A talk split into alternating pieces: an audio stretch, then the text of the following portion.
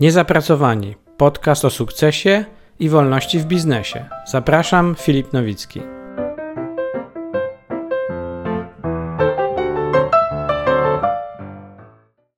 Oto jakie są trzy główne powody, dlaczego ludzie zakładają własne firmy.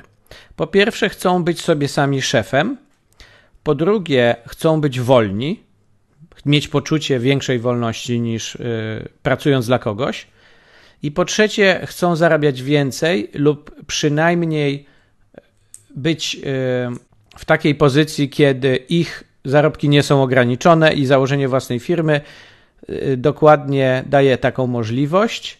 Chyba, że jak się okazuje w wielu przypadkach, po założeniu tej firmy pracują więcej niż wcześniej, za mniejsze pieniądze i nie mają tej upragnionej wolności, mimo tego, że nie mają własnego szefa.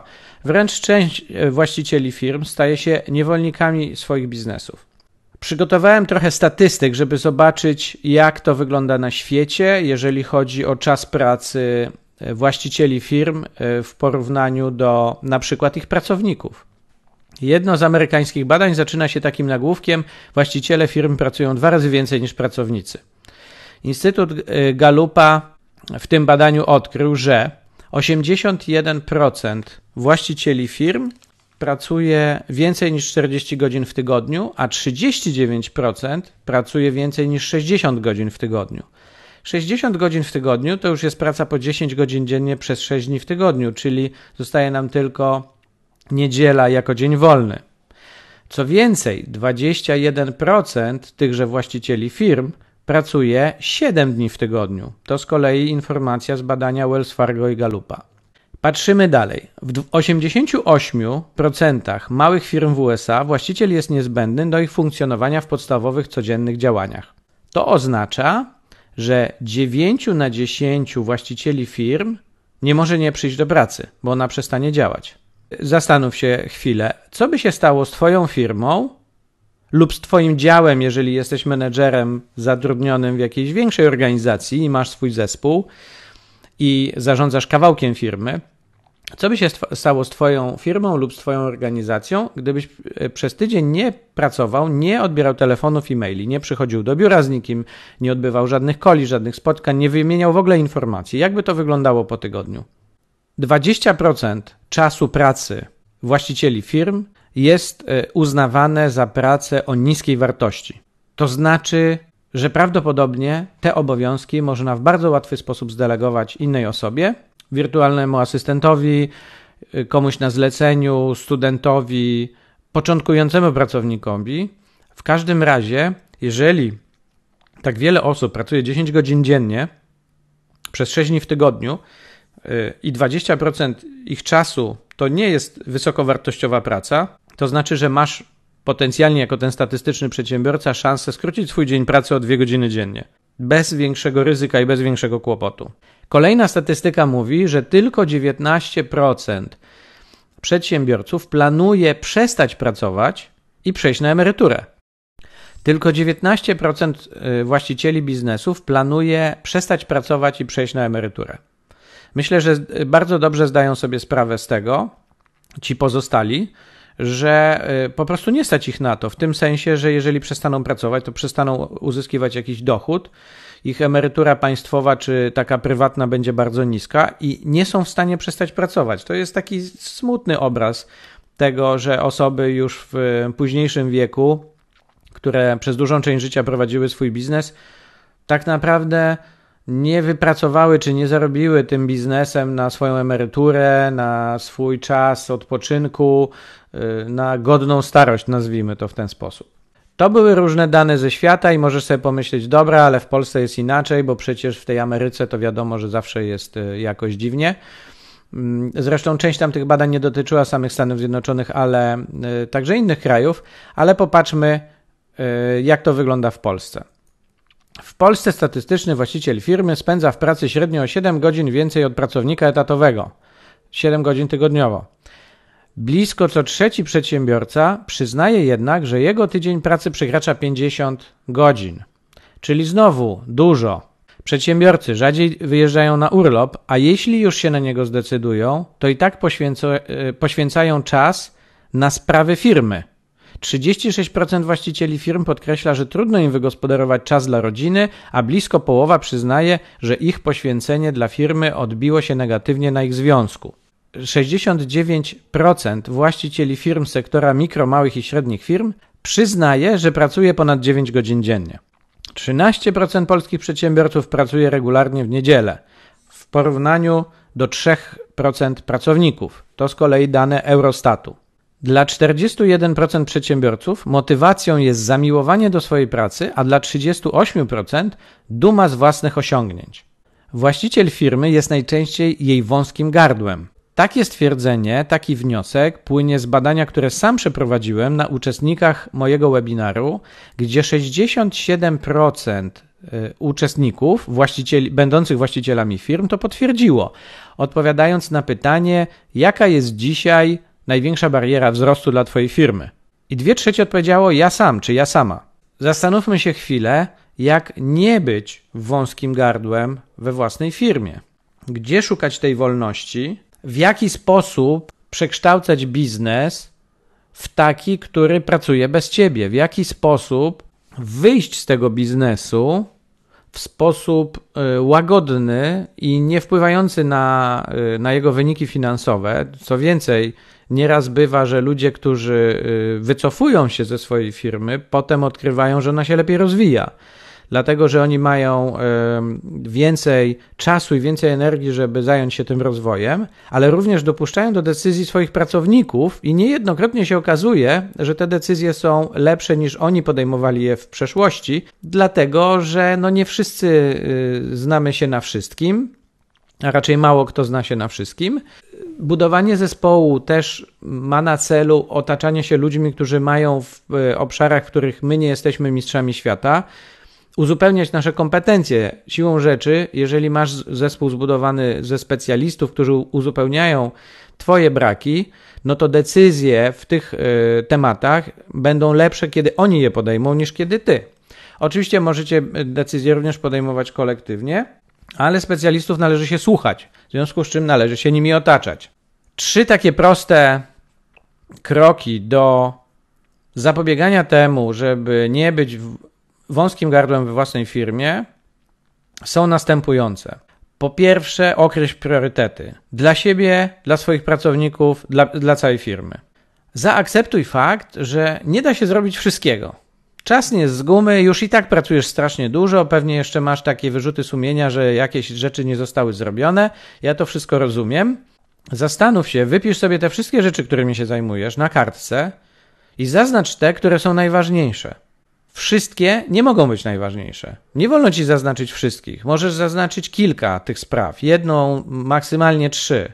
Rzeczy, które się dzieją w Twojej firmie, które są priorytetami, czyli sprawami najważniejszymi i na nich Ty się powinieneś skupić, również Twoi kluczowi pracownicy, jeżeli już ich posiadasz. Drugi sposób to deleguj. Skoro masz określone priorytety, to łatwiej ci będzie zdecydować, którą pracę zostawiasz sobie, a którą pracę delegujesz pracownikom. Dzięki czemu twój kalendarz się oczyści z rzeczy, które mogą zrobić dla ciebie inni ludzie. Zwróć uwagę na to, jak wygląda twój kalendarz, jak wygląda twoja lista zadań. Spróbuj znaleźć te 20% niskowartościowej pracy z twojej perspektywy niskowartościowej być może jest to praca, którą trzeba wykonać z perspektywy firmy. Ona musi być zrobiona, nie można jej po prostu nie wykonać, ale może to zrobić z powodzeniem ktoś inny. Skoro badania pokazują, że 20% pracy, którą wykonują właściciele firm, jest określana jako praca o niskiej wartości, to przede wszystkim postaraj się zidentyfikować te 20% i oddelegować. Nie zajmuj się pracą, której wartość na rynku możesz kupić za 10, 20 czy 50 czy nawet 100 zł za godzinę. Ty jako szef i właściciel zajmuj się pracą, która jest warta 1000 zł za godzinę albo 2000 zł za godzinę. To dzięki temu będzie yy, stworzysz sobie taki drogowskaz, który ci pokaże czym się zajmować, a czym się nie zajmować. Trzeci sposób to upraszczaj. Tutaj zaglądamy pod maskę Twojego biznesu. Staraj się, żeby wszystko, co robicie, niezależnie nie od tego, kto to robi, było jak najprostsze. Firma w momencie, kiedy rośnie i zwłaszcza kiedy zespół się powiększa i przybywa zadań, przybywa pracy, przybywa klientów, być może zaczynasz wprowadzać nowe produkty i usługi, wszystko się komplikuje. I to jest naturalny proces. Natomiast musisz umieć spojrzeć na to z dystansu, po to, żeby mieć nad tym taką kontrolę, że kiedy już te nowe pomysły, nowe projekty, nowe sposoby pracy urosną i, i przybiorą na skali, to w którymś momencie trzeba znowu je zinwentaryzować, prześwietlić, spojrzeć pod światło i powiedzieć: No dobrze, to tutaj są rzeczy, których możemy się pozbyć, tu są rzeczy, które możemy uprościć, może jest to jakiś proces. Ja z reguły pracując z przedsiębiorcami w tym obszarze ich biznesu, szukam możliwych uproszczeń w głównym procesie, który dla mnie zawsze jest procesem obsługi klienta. To jest główny biznesowy proces, który można powiedzieć, płynie przez całą Twoją firmę, przez całą strukturę, dlatego że wszyscy w jakiś sposób kontrybuują do tego, żeby Twojemu klientowi sprzedać, a potem dostarczyć produkt lub usługę, zgodnie z jego zamówieniem, prawda? W związku z czym, jeżeli wyobrazisz sobie, że to jest ten, ten, ten główny wątek, ta główna oś, wokół której dzieje się wszystko inne, to również do tego procesu możesz odnosić y, rolę swoich pracowników, zadania, jakie im przydzielasz, y, rezultaty, jakie y, oni ci dają, i to jest taki taki najlepszy, taki najlepszy punkt odniesienia do tego, żeby szukać tych uproszczeń, szukać tej optymalizacji i skracać, i skracać, i skracać. I da się to robić e, niemalże nie w, nie, w nieskończoność, bo, bo co jakiś czas firma znowu gdzieś urośnie, znowu się skomplikuje. E, rzeczy, które kiedyś były proste, zaczynają zajmować dużo więcej czasu, czyli też kosztować więcej. E, zdarza się, że angażują coraz więcej osób, ale ich rezultat nadal na końcu jest taki sam. Klient musi otrzymać to, co zamówił. W mojej yy, yy, przeszłości wydawniczej mieliśmy yy, taki przypadek y, i taki projekt wykonaliśmy na procesie przygotowania publikacji do druku. Kiedy usiedliśmy do tego, nazwijmy to procesu optymalizacji, do tego projektu optymalizacji, to ten proces y, przygotowania do druku zajmował 15 dni roboczych, czyli 3 tygodnie. Czyli od momentu, kiedy autor dostarczał nam tekst, musiało, y, musiało upłynąć trzy tygodnie, y, żeby drukarz dostał ten tekst przygotowany w odpowiedni sposób i mógł go odrukować. Zajęło nam to trochę czasu. Pracowaliśmy w takiej grupie mm, interdyscyplinarnej z osobami z różnych działów. Y, w efekcie doprowadziliśmy do tego, że ten proces zajmował 5 dni roboczych, czyli jeden tydzień, czyli trzykrotnie go skróciliśmy, a nadal efekt końcowy był taki sam upraszczaliśmy i zadawaliśmy sobie pytanie, czy to w ogóle jest potrzebne, albo czy można to zrobić w innym momencie, czy można, odwracając kolejność, spowodować, że w sumie zajmie to mniej czasu.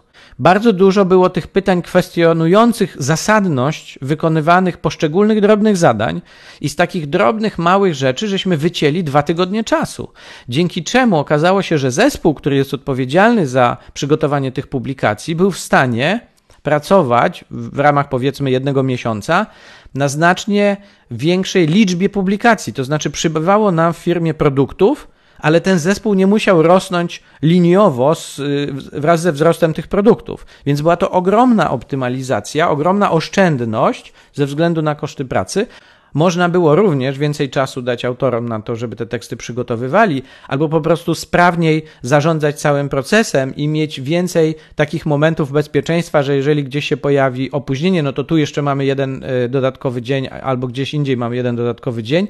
E, także publikacja ukaże się na rynku w, w tym założonym terminie, a ponieważ były to periodyki, to, to to było dla nas bardzo ważne. Także podsumowując, wolności w Twojej firmie możesz szukać w trzech obszarach. Pierwszy obszar to jesteś Ty sam, Twoja praca, Twój kalendarz i Twoje priorytety. Drugi to Twój zespół, czyli zadania, które delegujesz swoim pracownikom, to co delegujesz i to ile delegujesz i jakby uwalniasz swój czas na rzecz e, swoich pracowników, również to jakim wyznaczasz cele, jakie oni mają priorytety, jak, jak ustalacie między sobą rezultaty, które, które ma dostarczyć ich praca. I trzeci obszar to jest Twój biznes, czyli zajrzenie pod maskę i sprawdzenie, czy tam naprawdę y, on jest zbudowany w sposób optymalny. Czy można pewne rzeczy uprościć? Być może niektóre rzeczy już nie są aktualne, można je po prostu wyrzucić.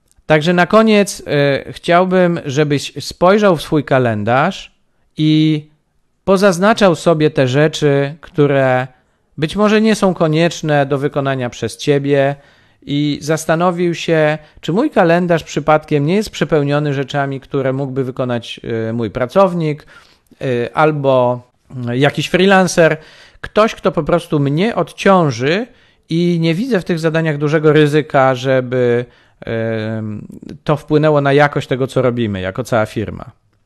Także zachęcam Cię do tego, żeby przez tydzień spisywać wszystkie swoje zadania, jakie wykonujesz przez cały dzień, przez okrągły tydzień i jednocześnie przy każdym zadaniu zapisać, ile minut ci to zajmuje. Jeżeli będziesz miał taką bazę, to potem możesz z nią pójść dalej i wykonać kolejne kroki, mianowicie zacząć określać, które z tych zadań to rzeczywiście są zadania, które byś y, określił jako priorytetowe, a które są mniej ważne i możesz je z powodzeniem oddelegować y, komuś innemu. Życzę Ci powodzenia, pozdrawiam i do usłyszenia w kolejnym odcinku.